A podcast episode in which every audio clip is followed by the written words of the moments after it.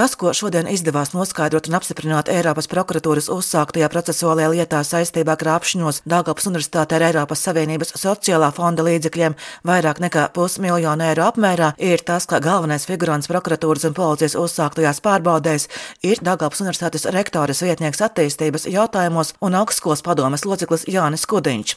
Aizturētas vēl divas privātpersonas. Radio stāsta Eiropas prokuratūras prokurors Gatis Doniks. Un tā informācija, kas ir izskanējusi publiski, faktiski arī norāda uz to personālu loku, ar kuru mēs strādājam un veicam izmeklēšanas darbības.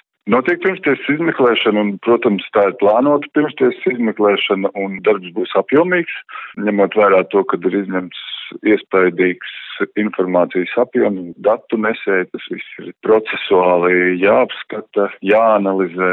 Tie ir vairāk projekti, tie ir vismaz trīs projekti kas ir realizēti Daugavpils universitātē. Laika posms ir 2018. sākot līdz 2022.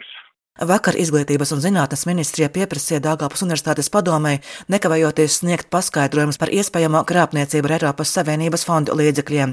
Šā pēcpusdienā tika sasaukta Dāngāpas augstskolas padomes sēde.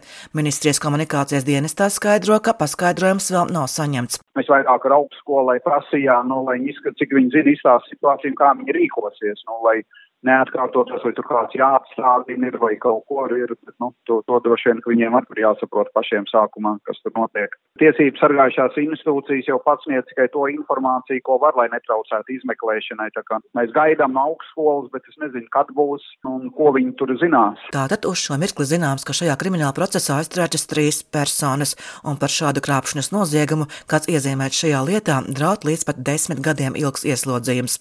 Silvijas Smagara Latvijas radio studijā Latvijā. day.